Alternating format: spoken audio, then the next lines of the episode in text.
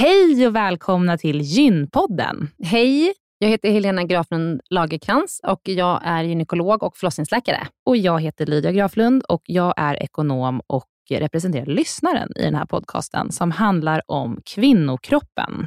Det är vetenskaplig fakta om kvinnokroppen och det du hör i den här podden är det som man kan höra om man får träffa en läkare eller en barnmorska i ett eh, möte. Men ibland så bjuder vi in gäster som berättar om sina personliga erfarenheter och ibland är det också spekulation, men då är det verkligen tydligt att det är spekulation. Annars är grunden för den här podden vetenskaplig fakta om kvinnokroppen. Så är det. Hoppas att ni vill lyssna. Välkomna. Välkomna.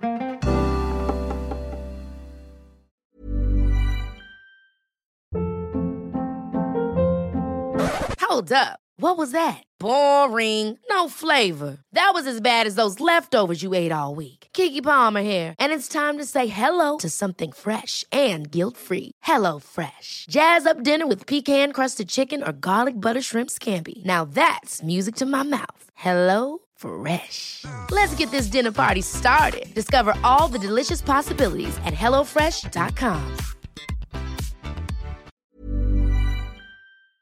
Den här veckans avsnitt av Gynpodden är sponsrad av Ester Care. Och Helena, det är ju det bolaget, vårdbolaget, som du och jag har varit med och startat, där vi erbjuder digitala vårdmöten med specialister inom kvinnovård. Precis.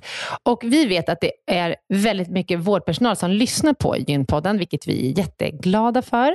Och vi behöver alltid fler gynekologer till STKR. Så därför vill vi nu göra en shout-out till alla er som lyssnar där ute som vill vara med och förändra svensk kvinnovård. Vi söker specialister inom gynekologi, men också ST-läkare som har kommit en bit in i sin ST och som vill arbeta digitalt eh, med handledning på, hos oss på STKR. Mm. Och precis som det är för våra patienter som kan söka vård hos oss, det vill säga att de kan bo vart som helst i landet eftersom vi är digitala. Om man laddar ner appen och så bokar man ett vårdmöte, så kan ju även läkaren bo vart som helst i landet eller flytta under tiden man jobbar hos oss. Det är ju väldigt, väldigt flexibelt eftersom eh, man jobbar hemifrån. Och Jag tänker att det måste ju också vara helt underbart att som läkare kunna arbeta hemifrån och planera sin egen tid några dagar i veckan. Ja, verkligen. Och samtidigt vara med och förändra kvinnovården med kollegor som är otroligt drivna och engagerade. Det är jätteroligt att jobba på SDKR. Och jag tycker att det här är en häftig grej som vi gör just nu, att vi erbjuder gyn, äh, gynvård i hela landet. Och vilka är de vanligaste patientmötena du tar, Helena? Ja, men det är ju klimakteriet, eh, PMS, eh, mensbesvär. Och det är ju såklart Eh, ärenden och eh, diagnoser som går att hantera digitalt. Men vi remitterar också vidare när det behövs mm. Eh, och tar labbprover när det behövs mm. och så vidare. Mm. Så gå in på sdcare.com, klicka på jobba hos oss i menyn för att läsa mer och skicka in en ansökan. Tack så mycket. Tack och välkomna. Välkomna till dagens avsnitt av Gynpodden. Hej, hej. Hallå, hallå. Helena, idag så ska vi eh, prata med en barnmorska för att hylla barnmorskan eftersom det är den internationella barnmorskedagen den 5 maj. En dag för att uppmärksamma det livsviktiga arbete som barnmorskor världen runt gör. Mm. Jag brukar eh, fråga, för det första brukar jag fråga, det här har jag sagt tidigare i podden, men när man är på förlossningen och en person blir mamma för första gången och sen så när de, liksom bebisen ligger där på bröstet så brukar jag säga så här, förstår du nu varför folk pratar om sin förlossning i 40 år. Liksom 30-40 år senare så är vi fortfarande så här, ja, jag kommer ihåg när jag födde barn. Det är ju det största man kan vara med om. Och vid kvinnans sida, eller parets sida, så står det ju alltid en barnmorska. Mm. Och det är ju den personen som eh, liksom, mamman och paret kommer ihåg. Mm. Vi förlossningsläkare, vi får ju rätt mycket Alltså, men ni kommer vi, väl in i mer akuta skeden? Ja, eller? vi är bara uh -huh. med när det är akut nästan. Så att, eh, oss tycker de ju kanske mindre om, men barnmorskan. så när vi, frågar, när vi frågar vår mamma eh, vad hon kommer ihåg från sina förlossningar, eh, då har hon fött fem barn, varav ett par är då tvillingar, jag och min tvillingsyster Sofia. Så är det alltid barnmorskan de pratar om. Eh, det, och nu så kommer du föda barn snart, Lydia, och vi får se vem du får som barnmorska. Kanske mm. är det mm. dagens gäst. Mm, kanske. Ja. Så, vem är dagens gäst? Dagens gäst är Sara Dellner. Välkommen! Tack. Sara, du är barnmorska och mm. du är innehavare av Instagramkontot Instamorskan. Mm. Och så är du författare och så är du tvåbarnsmamma. Mm. Kommer du ihåg din barnmorska när du födde barn? Absolut. Mm. Mm. Det gör jag också. Jag minns hur hon kom och tog i mig och det var så skönt. Mm. Men det är ju någonting liksom, med barnmorskor som är, det är liksom, trygghet, det är lugnet, det är säkerhet. Man, känner, man tycker ju om barnmorskor. Men eh, ja, då, då Vi börjar vi vår hyllning nu då till barnmorskan. Ja. Eh,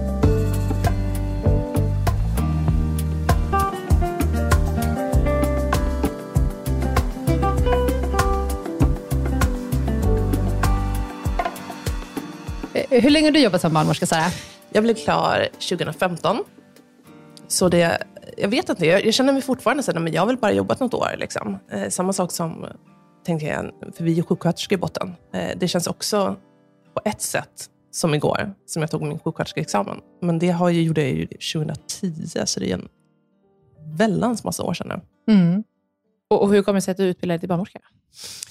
Ja, men jag ville hålla på eh, med friskvård. Jag hade jobbat länge inom akutsjukvården, jobbade på IMA, eh, jobbade med väldigt... IMA, IMA står för intermediärvårdsavdelning. så det är nästan intensiven, fast ja, inte riktigt. som en lätt Mm. intensiv kan man kalla det. Mm. Och när man menar friskvård då, så är det att man inte vill jobba med de här som är akutsjuka och har en sjukdom och håller på att Nej, dö, men precis. eller? Alltså, jag hade jobbat väldigt mycket med sjuka patienter, eh, kände mig trygg i det. Jag tror att det är också eh, jätteviktigt för yrkesrollen. Att, framförallt att jobba som, som barnmorska på förlossningen. Att veta vad man har sig själv när det är stressigt. Men jag ville jobba med friskvård. Jag ville ha en... Eh, med, målet var då att, att jobba på mödravården. Eh, för att få ha liksom, längre patientkontakt. Och här- tog det lång tid för dig att komma in på utbildningen? För det har ju varit lite trångt på Mm. barnmorskeutbildningen tidigare. Precis, det, det var ju när jag pluggade eh, jättesvårt att komma in. Mm. Eh, så att jag kom in, eh, jag höll på med lite annat då, höll på att forska och sådär, så jag behövde en, egentligen primärt en, en magister för att registrera mig som doktorand. Eh, men sen när jag väl började på barnmorskeprogrammet så eh, var jag helt hooked. Mm. Mm. Hur långt är det? Barnmorskeutbildningen? Mm. Ett och ett halvt år. Mm. Ett och ett halvt år. Så man har eh, tre år sjuksköterska i grunden och sen så är det en påbyggnadsutbildning på ett och ett Ja, halvt år. så fyra och ett halvt år. Jag skulle säga att här är vi alla olika och respekt för eh, hur lätt man har att lära och så. Men Mm. sjuksköterskeutbildningen var för mig, jag gjorde den på distans, eh, stor del av den. Så att jag reste samtidigt. Det var liksom ingenting jämfört med barnmorskeutbildningen. Det var otroligt intensivt. Alla var också otroligt eh, målmedvetna och ville verkligen det här. Så det, det var, eh, jag har respekt för alla mina barnmorskekollegor när det gäller kunskap. Mm. Och om, man, om vi tittar på utbildningen, den är tre terminer och den är ju ganska Mm. specifik liksom, uppbyggd, hur den Mm. fungerar. Det är blandat eh, teori och praktik. Och eh, den eh, praktiska delen, hur, liksom, kommer du ihåg vad ni gjorde första terminen, andra terminen och sen liksom, tredje terminen, när ska det bli full, fullfjädrade förlossningsbarnmorskor på något sätt? Ja, alltså det är lite dimmigt sådär första förlossningsplaceringen. Mm. Ehm, det kommer jag inte ihåg sådär jättemycket av faktiskt. Eh, Så att först börjar man ju med eh, att vara på förlossningen första, en, första av två delar, så att säga. Och sen däremellan så går man ju på en mödravårdsplacering. Det här var ju när jag jobbade, eller pluggade på Karolinska, så att det kanske ser annorlunda ut. Nu har vi också utbildning på Sofiahemmet. Ehm, men eh, mödravården kommer jag absolut ihåg. Jag var på Östermalm eh, på en mödravård som inte finns eh, längre. Och sen hade jag min eh, praktik på, på KS. Mm. Och sen är det gyn också i, utbildningen. Ja. För Vi har ju, det- vi har ju, vi har ju liksom barnmorskor på gynsidan också, Verkligen. mycket inom abortvården och Mm. så. Mm, precis, jag tror att jag faktiskt var på gynavdelning då. Mm. Ehm, så det var ju mycket av, eh, av sjuk... Det kommer ju närmare liksom sjuksköterskeriet där. Eh, både på gott och på ont, så att Mm. säga. Ehm, Specialiserar man sig som barnmorska? Jag tänker kring, mot just förlossning eller mot eh, någon, eller öppenvårds... Ja, det eh, finns ju en del. Man kan ju liksom gå sexo- plugga sexologi och, Mm. och sådana saker. Eh, Man kan ju också bli mer samtalsbarnmorska och, och plugga, plugga det. Men annars är det inte så mycket inriktningar på det sättet, om man inte vill då forska och sådana saker. Det är en praktisk inriktning, man väljer vart det är man vill verkligen jobba. praktiskt. Mm. Ja. Mm. Men, och sen så ska ni göra 50, Mm. ni ska ha 50 förlossningar med i bagaget sista terminen, eller hur? Mm. Jag jobbade, eller jobbade, jag hade praktik eh, på natten. Och det genererade extremt många eh, förlossningar. Så jag tror att jag fortfarande har rekordet på KI i typ så här 126 förlossningar. Är det sant? Ja, det är ju jättemycket. Ja. Ja, men jag tror det. Jag, det. Grejen var att det var liksom ingen ambition att jag skulle samla på mig något slags rekordantal födslar, utan eh, jag blev till och med förvisad till ultraljud någon dag på min praktik. Jag blev förvisad till intaget och sådana saker. Men jag tror att det hann gå typ fem minuter, så var det någon som födde på intaget. Men var det då en tid att det föddes mycket barn? Eh, jag vet hörde att barnavårds, eller så barnantalet har gått ner nu under Mm, det senaste precis, året. det har varit en, en utmaning för mödravården kan man säga. Mm. Mm. Ja, eh, hur ser det ut att arbeta som barnmorska på förlossningen i Sverige? Ja, det ser nog otroligt olika ut. Eh, Mm. Det är ju inte en så jämlik vård, eh, med tanke på att vi har alla våra olika regioner, eh, där alla olika eh, som bestämmer i olika regionerna gör mer eller mindre på sitt sätt, även om vi har eh, riktlinjer och så eh, att, att hålla oss efter. Um, så att det, det, det kan jag inte svara på hur det ser ut för alla, men på ett sätt går det ju bara att vara där och då och ha sin födande som... Eh, så att jag, jag tror inte att jag kan svara på hur det ser ut för alla. Liksom. Nej, men man tänker så här, när man, när man tänker på barnmorska, då tänker man just på den här liksom personen, jordemodern som tar Mm. emot liksom, och bistår förlossningar. Men barnmorskor är så otroligt viktiga på så många olika platser inom vården och Precis. inom hälsovården, inte bara sjukvården. Hur ser, liksom, hur ser det ut? Var jobbar dina kollegor och vad, vad har ni, liksom, vad brinner ni för? Men jag tror att, att man, det är ju väldigt medialt med själva förlossningen. Och på ett sätt lite sorgligt, för att vi gör, det är liksom bara toppen av isberget av, av barnmorskeriet. Um, ehm, så att om, om man tänker, liksom, jag förstår att det är medialt, det, det är inte som att det, det görs någon tv-serie om avdelning 67, liksom. utan det, det är mer intressant med förlossningen och, och akutmottagningar och sådana saker. Um, men, men det jobbet som eh, vi gör när vi liksom bistår eh, en familj, eller eh, oavsett hur, om, hur stor den är, eh, så är det ju liksom att vi är med i hela resan. Vi är med allt ifrån IVF till exempel. Vi är med från att vi drar ut en spiral. Eh, så att det är inte ovanligt att jag har haft eh, eh, kvinnor som, som har dragit ut sin spiral och sen eh, bokar inskrivning efteråt och sen så har jag fått vara med på både ett och två, kanske tre barn. Mm. Det, är ro, det är ju Det är, jätteroligt. ju, ja, det, är, Mm. det är väl det allra finaste, den här ynnesten att, att någon tilltror eh, sin hela livssituation på ett sånt otroligt skört och djupt plan och att jag får hålla handen under eh, så lång tid. Det är så mycket saker som händer längs med resan. Det är ångest, det är oro, det är kärlek. Och inget av det här kan liksom existera utan det andra. Och att, att få se det och att få finnas där, det är nog det absolut finaste med barnmorskeriet. Det är liksom lite i nöd och lust. För det är ju en graviditet kan ju vara helt okomplicerad och bara liksom happy happy och du vet, lycka till nu och så. Och det kan vara otroligt komplicerat. Och eh, då ska du finnas där för det här paret liksom, i nöd och lust och kunna stötta och så här, kunna vara Ja. där på deras villkor. Det är som en partner som de inte kan dumpa. Precis. Så man kan i och för sig byta barnmorska. det kan man göra. Det kan man Men du, vad tycker du är det viktigaste för dig för att vara en bra barnmorska i de här situationerna? Nej, men dels, så här, liksom, sj- själva barnmorskeriet är ju inte statiskt. Det är ju hela tiden nya personer som vi möter, nya personer som behöver stöd, personer med olika förutsättningar. Eh, det är såklart att det absolut viktigaste är ju att vi har tid att kunna anpassa den vården eh, utefter den personen som vi har framför oss. Och det tar ju liksom inte alla ersättningar och eh, politiken riktigt eh, hänsyn till. Nej. Och Det är väl också det som jag tycker att, att många också får, eh, alltså de, de som skriver till mig som, som tycker att de eh, som är besvikna på vården, de tycker att, att men jag har inte fått den här personliga vården. Sen går det ju liksom inte att dra det till sin spets i alla fall. Eh, men, men nog måste vi, och, och samma sak, det är inte bara att bli gravid heller, utan man kanske kommer in, eh, har en barnönskan, man kanske står på någon medicinering, man kanske vill ha, är eh, rädd, man kanske vill ha råd inför en eventuell graviditet. Vi har ju liksom förlossningsfobier och till och med graviditetsfobier men, men där ändå barnmorskan finns. Och där tappar vi också rätt många, för vem ska de vända sig till? Mm. Um, så att där försöker jag att, att eh, ändå kringgå systemet lite och, och hjälpa dem på vägen. För att det är ändå så otroligt stort för dem att, att be om den här hjälpen och det, det vill jag liksom inte svika. Nej. Blir det väldigt personligt för dig? För jag kan tänka, Det här blir väldigt personligt från patientens sida. Mm. Och det är det ju, alltså i de flesta vårdsammanhang så är det ju det, men det här är ju också en, en ganska stor psykologisk Mm. bit i ert arbete. Ja, det blir, där är det ju liksom eh, den gravida som får avgöra hur personligt det får bli, så att säga. Men absolut att det i liksom 95 procent av fallen blir väldigt personligt. Sen blir det extremt sällan privat. Mm. så.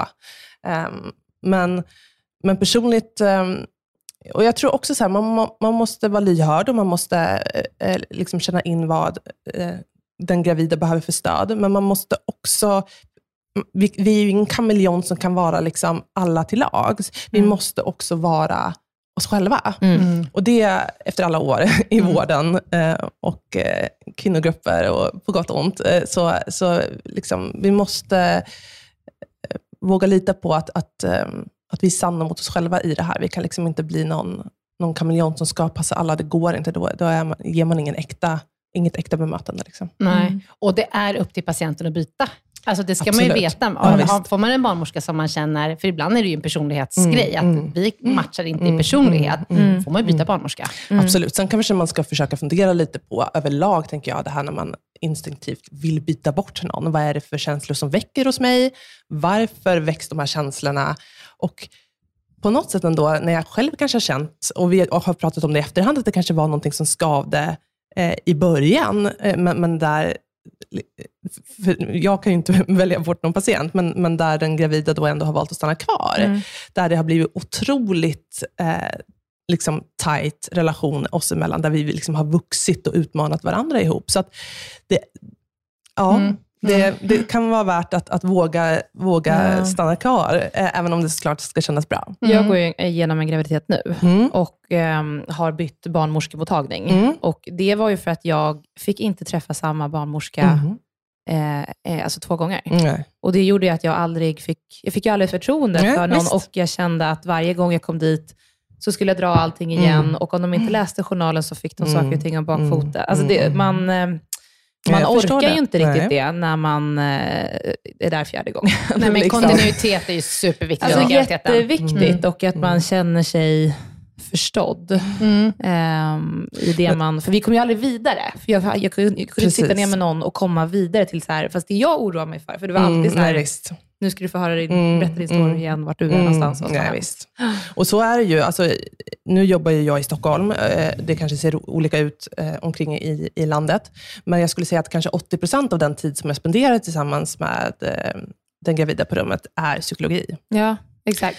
Och Det är ju också lite sorgligt och det var ju också därför vi skrev en bok om det här. Att det är så mycket fokus, återigen, som läggs på en väldigt kort del av Mm.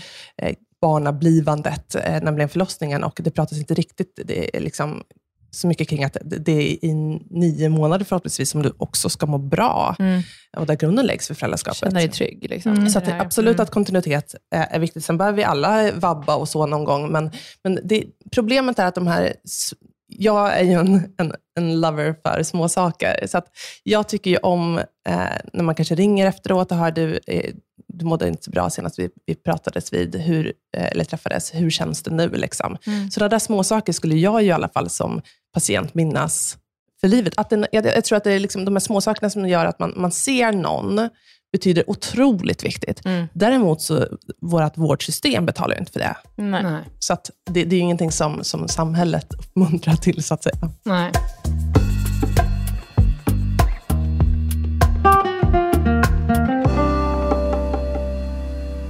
Men eh, du är ju eh, barnmorskemottagningsbarnmorska och förlossningsbarnmorska. Ja. Men barnmorskor finns ju på så många fler Mm. ställen. Jag tänker att vi ändå bara kan nämna Verkligen. dem för att ingen ska känna Mm. sig glömd. Och då tänker jag på eh, ungdomsmottagningen. Verkligen. Alltså vilket Hur jobb. ljuvliga barnmorskor finns det inte på Mm. ungdomsmottagningen? Det är liksom free spirits där. Ah, och de tar hand om våra ungdomar på ett Mm. magiskt Mm. sätt. Eh, det är ju mycket, där är det ju mycket liksom, eh, oro, ångestfrågor och nyfikenhet och vad händer med kroppen och att vara öppen för alla dessa frågor som de här Ja. ungdomarna har.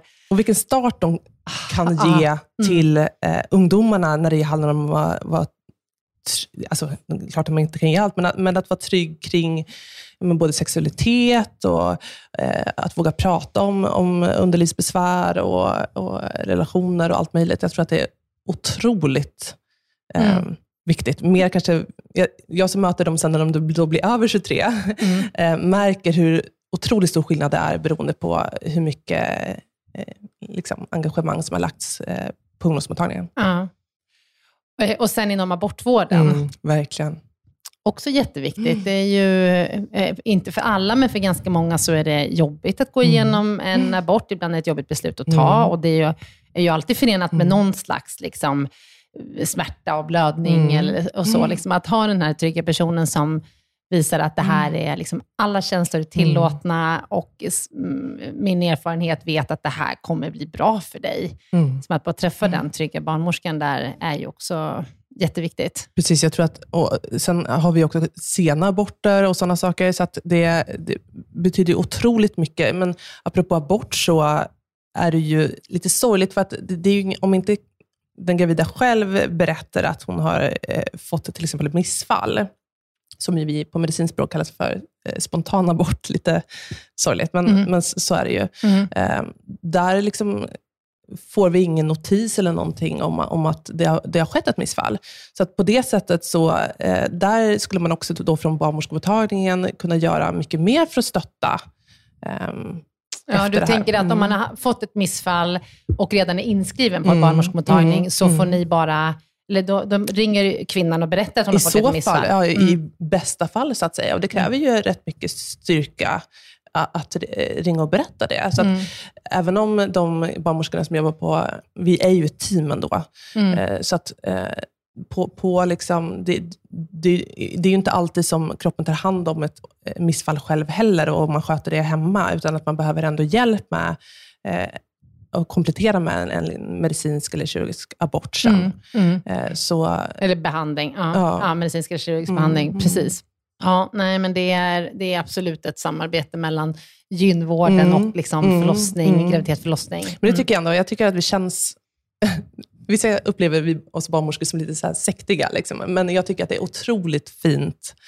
Eh, liksom, jag har aldrig någonsin känt något hot eller så där från en annan barnmorska, utan jag har alltid känt att vi har liksom varandras ryggar om det skulle Mm. vara någonting. Mm.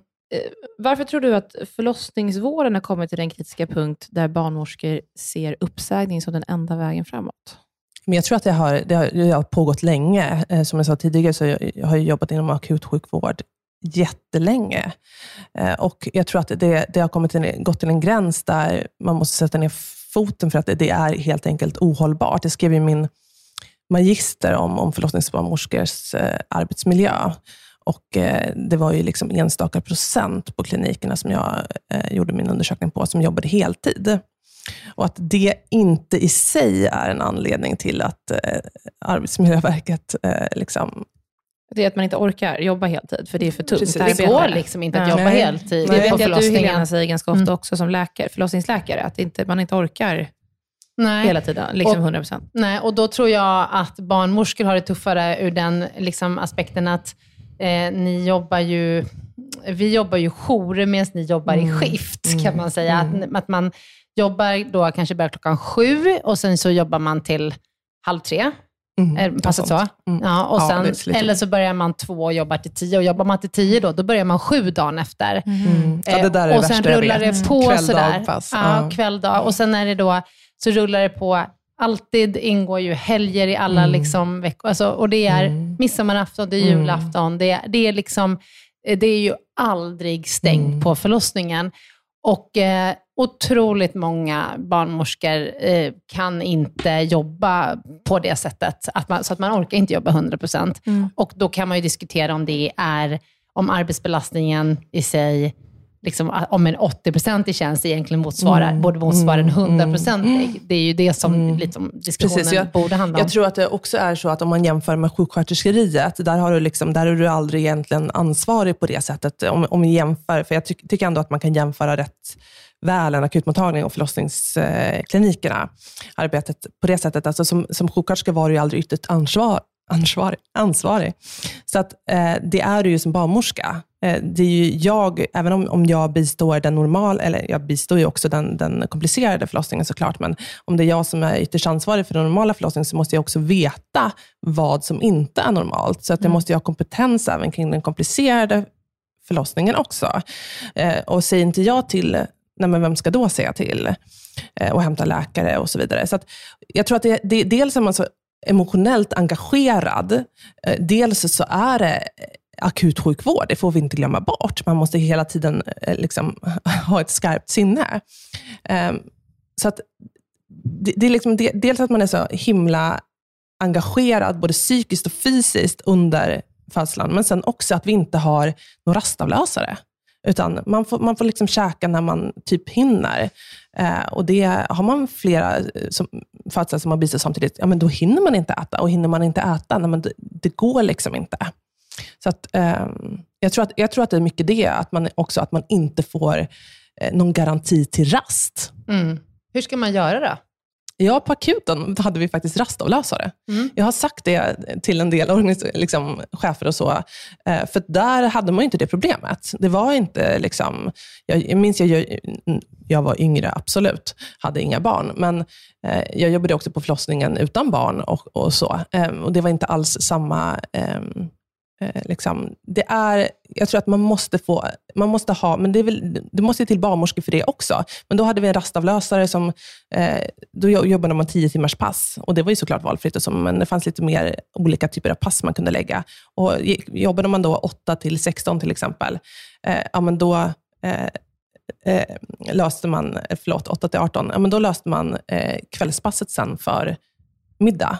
Eh, och så kunde man jobba 11-21 och då löste man liksom eh, Ja, det fanns Lunchen, massa, ja, så det fanns lite flera, precis. lite mer personal mm. över Och då liksom, gick man den halvtimmen. Nu kommer jag och lösa, mm. och då gick, kanske man löste tre, fyra stycken innan mm. man gick på sitt pass. Mm. Och då, liksom, då var det att rapportera över. Då. Sen är det kanske svårare, absolut, att ha under en förlossning. Fast vad är sannolikheten att vi måste också bli bättre på att släppa. Mm. Vad är det, det, är klart att man får vara flexibel där och, och, och planera rastavlösningen lite. Ja. Eh, och, man, och, och, sen så kan så. man ju alltid välja, om man vet att nu, nu, är det liksom, nu kommer ja. det här barnet födas ja. inom 30 minuter, då Visst. kan man ju välja att skjuta Absolut. på sin lunch. Exakt. För då vet man ju också att det mm. kommer att komma en paus, för barnet kommer. Precis, och jag tror det, det, där har du också en arbetsmiljögrej, att du kan välja att jobba 10 timmars pass om du eh, om du nu vill det. Mm. Så att, då, då, kan du också jobba lite färre jag tycker dagar. De här passen är, du pratar bättre om tio timmar nu. Mm. Det känns, Helena, ibland som att du går tolv timmar. Alltså det mm. känns som att de är otroligt mm. långa. Mm. Det är ju inte normala arbetsdagar. Och det är inte så att mm. ni sitter och hänger omkring. Alltså att, man, att, att, vara fullt sjå i så många alltså timmar. Alltså man går ner i vikt. Ja, jag kan tänka mig det. Alltså. Jag ska inte skratta åt det. Jag ska verkligen inte skratta åt det. Men, men om vi säger så här, jag gick, vi kan vända på det och säga att jag gick upp en hel del i vikt när jag började på mödravården. Mm. När man sitter och mottagningsarbete, jag mm. förstår det. Ja, man räddar inte omkring på samma sätt. Liksom. Nej, men precis. Och sen, sen när jag, jag, jag, har en, alltså det tar, så, jag, jag hade någon, jag, jag tror en, många säkert håller med mig när man säger att man har en naiv, lite naiv bild, som, för det blir ofta två läger, tyvärr, mellan liksom Eh, mödravårdsbarnmorskorna och förlossningsbarnmorskorna. Och det, det tar så otroligt lång tid att lära sig alla PM, för du är så själv. Även om du har kollegor och så, så är du själv på ett helt annat sätt på mödravården. Det finns så mycket PM och du måste veta att de här PM finns för att kunna... Alltså, jag Vad står att, PM för? Eh, PM är ju våra riktlinjer exakt, som vi ja. arbetar ut efter. Så att jag tror att det, det jag, jag, vill påstå i alla fall att det tar minst två år innan du liksom är van i... Och lite eh, självgående och inte behöver sitta och leta PM. Ja, mm. ja och bara sätta spiral och sådana här saker. Mm. Så det, det, är otroligt mycket kunskap eh, hos mödravårdsbarnmorskorna som mm. finns där ute i landet. Men att vara, att vara en eh, barnmorskemottagningsbarnmorska, mm. det är ju eh, eh, tungt på ett annat sätt. Mm, det är inte, du springer inte så mycket Nej, däremot, mellan rummen. Däremot har man ju liksom tiden som man har för, varje patient är mm. ju väldigt kort. Så att du mm. måste ju hela tiden, som du berättade när du kände dig liksom att, att du fick träffa någon ny. Eh, tiden tar liksom inte hänsyn till att så här, men nu ska jag läsa på en helt ny patient inför. Så, här, så att mycket av liksom, eh, flowet, det kräver ju att, att du är på plats och, och har Mm.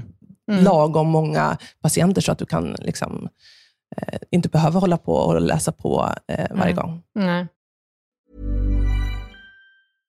Hey, I'm Ryan Reynolds. At Mint Mobile, we like to do the opposite of what Big Wireless does. They charge you a lot, we charge you a little. So naturally, when they announced they'd be raising their prices due to inflation, we decided to deflate our prices due to not hating you. That's right. We're cutting the price of Mint Unlimited from $30 a month to just $15 a month. Give it a try at mintmobile.com slash switch. $45 upfront for three months plus taxes and fees. Promo rate for new customers for limited time. Unlimited more than 40 gigabytes per month. Slows. Full terms at mintmobile.com. Life is full of awesome what ifs, and some not so much, like unexpected medical costs. That's why United Healthcare provides Health Protector Guard fixed indemnity insurance plans to supplement your primary plan and help manage out of pocket costs. Learn more at uh1.com. Den här veckan så är Gynpoddens avsnitt sponsrat av hemsidan mittpreventivmedel.se som är en eh, informationshemsida gjord av Bayer. Mm. Och vi har pratat om den tidigare i avsnitt eh, om att eh, det finns olika tester du kan ta, eller det finns ett test du kan ta. Du kan också gå in och jämföra olika preventivmedelsmetoder för att se vilka som är bäst för dig och du Mm. kan titta på en film där Mm. du kan förbereda dig inför att du ska träffa barnmorska eller gynekolog och skaffa ett pre- preventivmedel.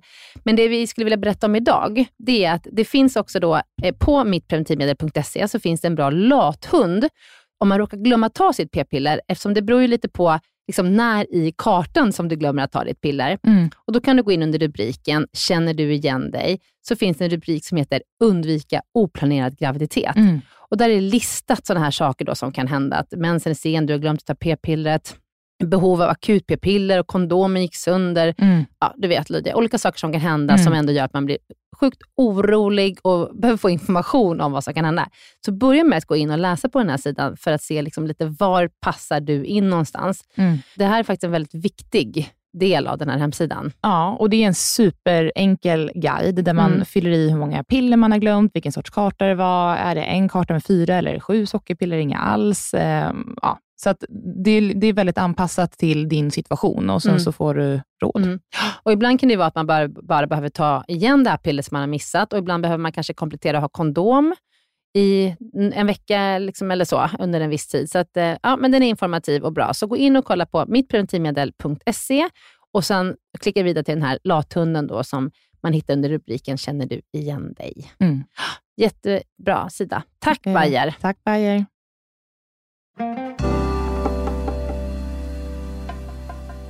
Men Sara, det Mm. diskuteras ju att man ska ersätta barnmorskor eh, på, um, ja, men till exempel föreslås det inom eftervården på BB att det ska vara sjuksköterskor istället för barnmorskor och på vissa eh, enheter har man sett att det ska vara underläkare som kanske ersätter en barnmorska. Vad tänker du om det? Är det en bra lösning? Nej, det tror jag inte att många barnmorskor håller med om att det skulle vara någon bra lösning. Eh, Jag tror att man måste ta tag i problemet istället för att och försöka lösa det på något annat sätt. Eh, Vi pratade om utbildningen innan och alltså det är ju så extremt mycket amning vi läser till exempel, som ingen annan specialitet eh, inom sjuksköterskeriet eh, läser. Eh, så att, eh, att, eh, att ersätta det med någon, någon underläkare eller en sjuksköterska eh, känns liksom nästan som ett hån på det sättet. Alltså jag måste Men bara, varför vill korta- de göra det? Eller kan vi bara få bakgrunden till det? Nej, men bara för att det inte finns tillräckligt mycket barnmorskor att, okej. eh, att Mm. anställa. Men alltså bara en liten kort Mm. anekdot till, eh, jag är ju då fyrabarnsmamma, tycker att jag har, liksom, och är förlossningsläkare, eh, och tycker att det här med amning har man ju ändå hållit på med så jäkla mycket. och så, så hade jag en patient på BB och då så var det precis dags, det här är är ett par, något år sedan, så var det precis dags för barnet, när jag skulle prata med henne om någonting, så var det dags att hon skulle amma. Och då sa hon så här, Åh ja, det har varit så krångligt för mig liksom, och att inte riktigt få till det här med amningen och vad jag på liksom så här. Men jag kanske kan hjälpa dig lite.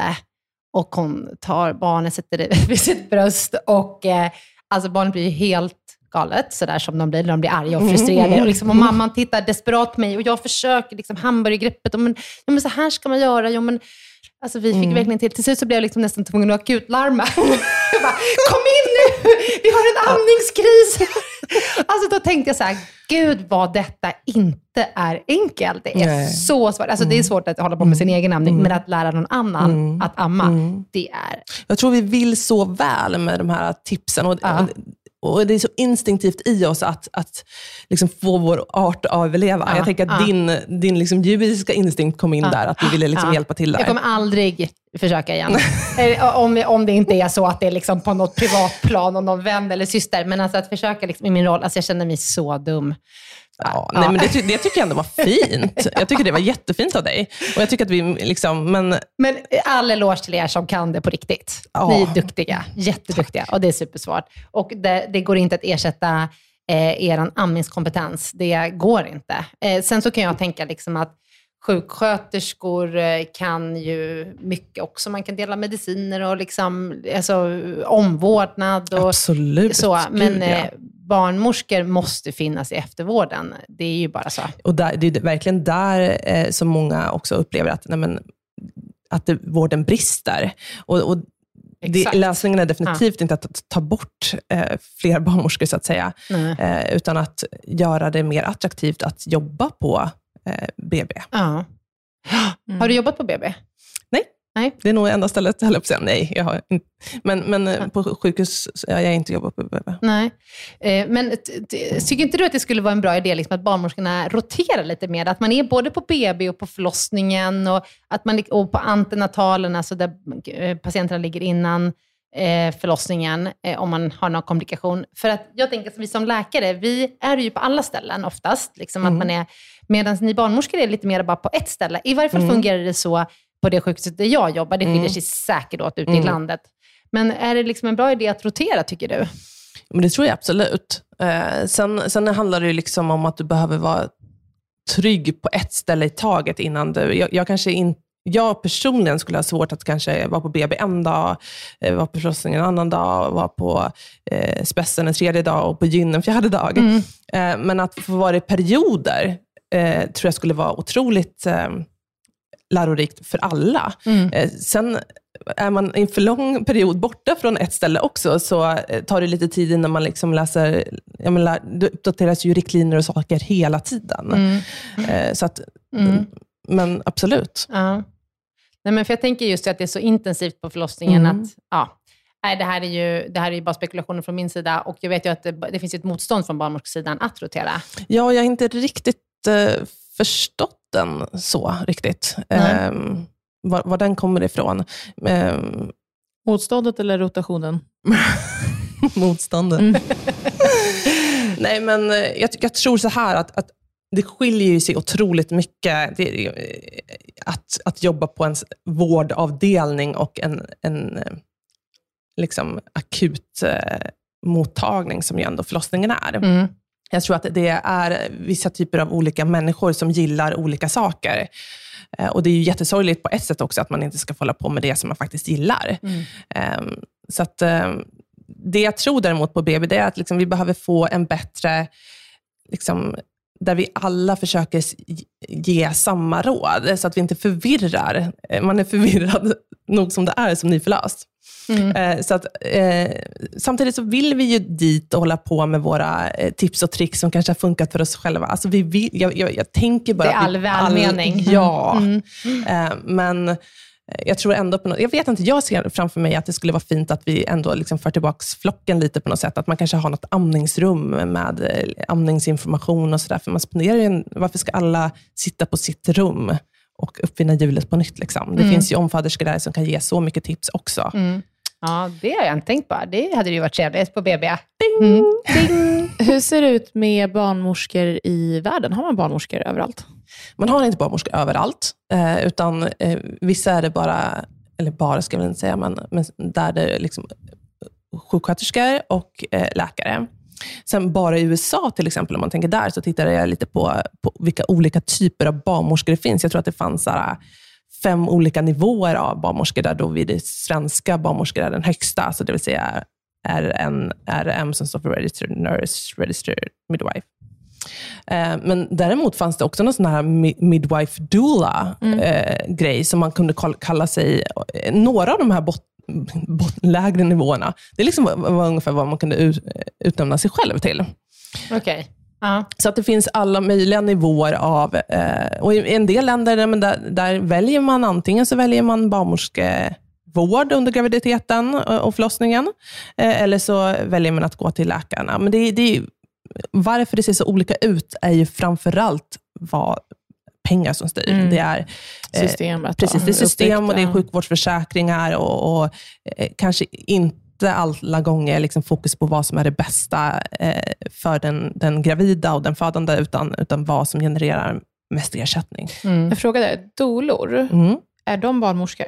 Nej, doula är ju liksom ingen skyddad yrkestitel, utan det kan man ju eh, egentligen kalla sig för utan någon, någon utbildning alls. Sen har de flesta eh, gått någon form av utbildning och Mm. är ju ett fantastiskt eh, stöd, Stöd. under, Mm. under förlossningen. Så all Känns heder ju- till dolor. Ovanligt i Sverige, men kanske vanligare i USA? Eller?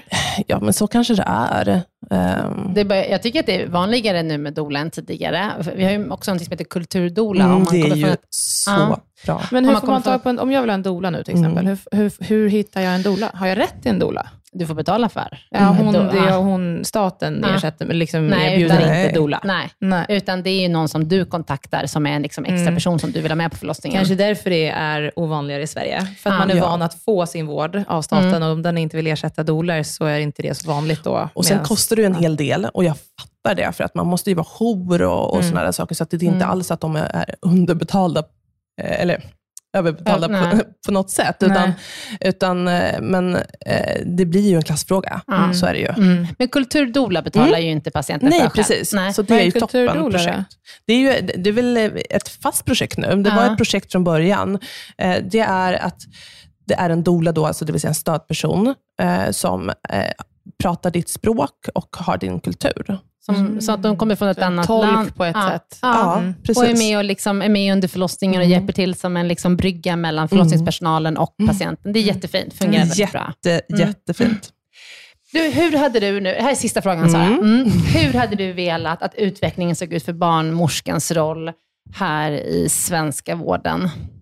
Om du fick bara fantisera. Nej, men jag har väl två saker. Dels så skulle jag vilja ha en, ehm, en kompetensstege mer, som faktiskt genererar någonting. Jag som är en liten rastlös själ och en, en både kreativt rastlös, men också kunskapstörstande, så, eh, skulle vilja att, att det faktiskt ger mig någonting, att eh, fördjupa mig, att engagera mig eh, och, så vidare. För det är det som är det största skillnaden mellan våra yrken. Det är ju att, att inom läkaryrket, såklart också på gott och ont, men att där blir man ju som aldrig klar. Typ. Utan, och man har sin specialisttjänst, först liksom allmän... Eh, ja, AT-ST-specialist. Exakt. Och så- heter det ju baså, eller vad heter det? BT, ja. Bastjänstgöring. Eh, Och, sen är det liksom och, och det är klart att det kan ju också vara stressande, så, men det finns ju alltid, liksom, det är ju ändå jobb, så- alltså ni får ju betalt för det här. Absolut. Så att, eh, det kan ju jag sakna, att, att det har ju, det, även om jag lär mig varje dag och liksom får otroligt mycket ut av varje möte, så rent liksom från arbetsgivarens håll så står man ju still. Ja, så ingen karriärsutveckling på det Precis. sättet. Mm. Eh, och Sen skulle jag önska att, att eh, man faktiskt förstår vilket eh, engagemang som krävs. Framför allt inom förlossningsvården. Och att liksom, heltidstjänsterna, att den tiden går ner. Det, det, det är inte rimligt att, att kvinnoyrket på det sättet, liksom, att ingen typ vill jobba heltid. Det är inte bra för någon. Nej, Inte för våra barn heller. nej. Tack Sara. Ja, tack Bra Sara. avslutande sammanfattning. Ja, den kommer både först och sist. Ja. Ja. Tack, Ja, men, eh, tusen tack och grattis på er dag. Ja. Och eh, Sara, du finns ju på Instagram som Instamorskan. Vad heter din mig. bok? Den heter Gravid!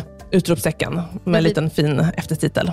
Snyggt. Får man läsa den? Ja. Mm. Tack snälla Sara. Tack snälla. Bra. Hej.